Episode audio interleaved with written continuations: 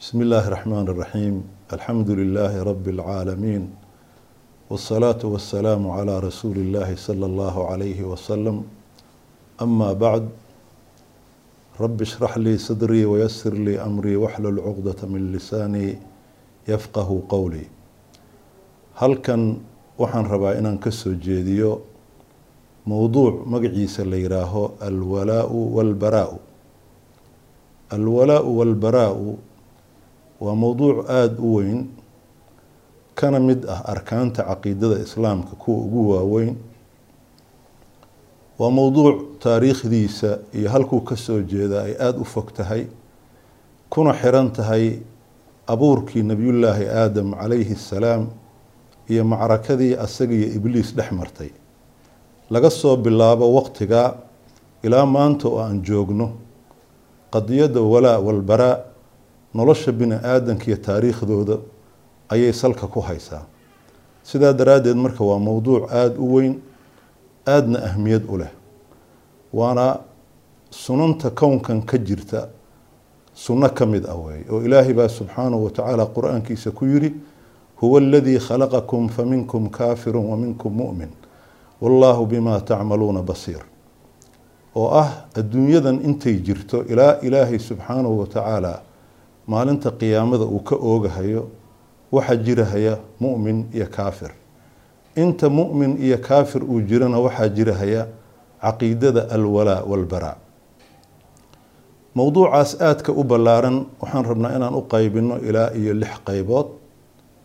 Qeybtiisa koobaad waxaan kaga hadlaynaa luqad ahaan maadaama ay kelimadani carabi tahay macnaha ay ku leedahay luqadda.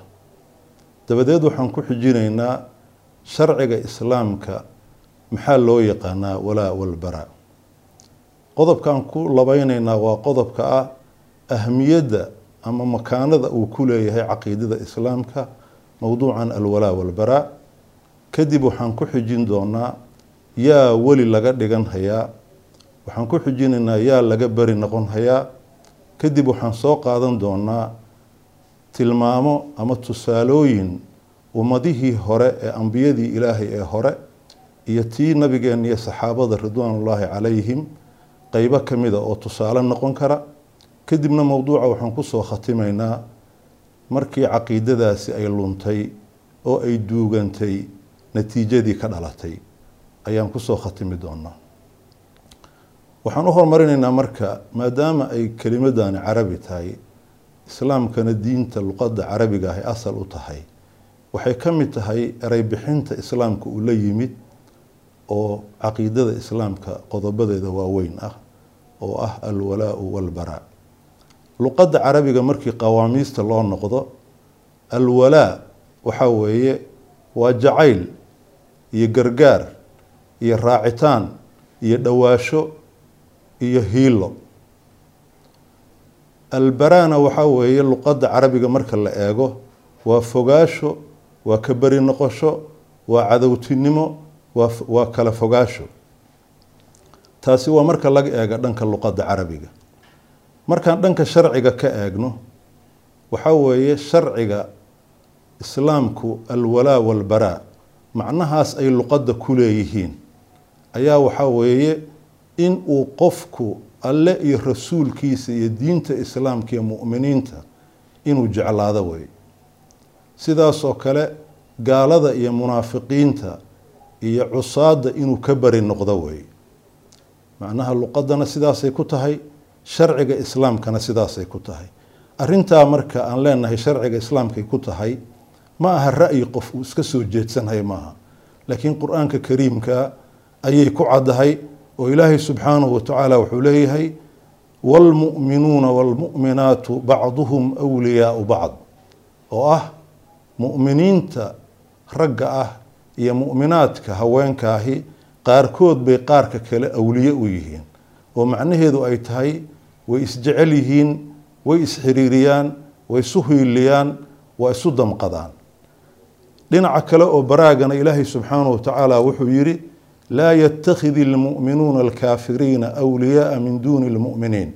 Waman yafcal dalika falaysa min allahi fii shay. Oo macnaheedu ay tahay qof mu'minihi kaafir kama dhigto weli mu'miniinta sokadooda. Qofkii sidaa yeelo iimaan sheeganhaya ilaahay agtiisa wax alla wuxuu ka yahay male. Markaan labadaa aayadood fiirino waxaa noo soo baxaysa macnaha sharcigu uu u dejiyey mowduucan la yidhaaho alwalaa walbaraa inay tahay qofku inuu alle iyo rasuulkiisa iyo diinta islaamka iyo mu'miniinta inuu xiriiriyo inuu jeclaado inuu u gargaaro inuu soo dhoweysto halka laga doonahayo cid alla ciddii ilaahay iyo diintiisa iyo sharcigiisa khilaafta inuu la coleytamo inuu ka fogaado inuu necbaado. Haddii arrimaha marka labada alla waayo sida aayaduhu tilmaamahayaan waxaan u malaynhayaa goodi ka weyni ma jiro qofkii alle uu yiri falaysa min allaahi fii shay. Intaas waxaan kaga baxaynaa qeybta ku saabsan tacriifka ama caddaynta macnaha walaaga iyo baraaga. Wabillahi towfiiq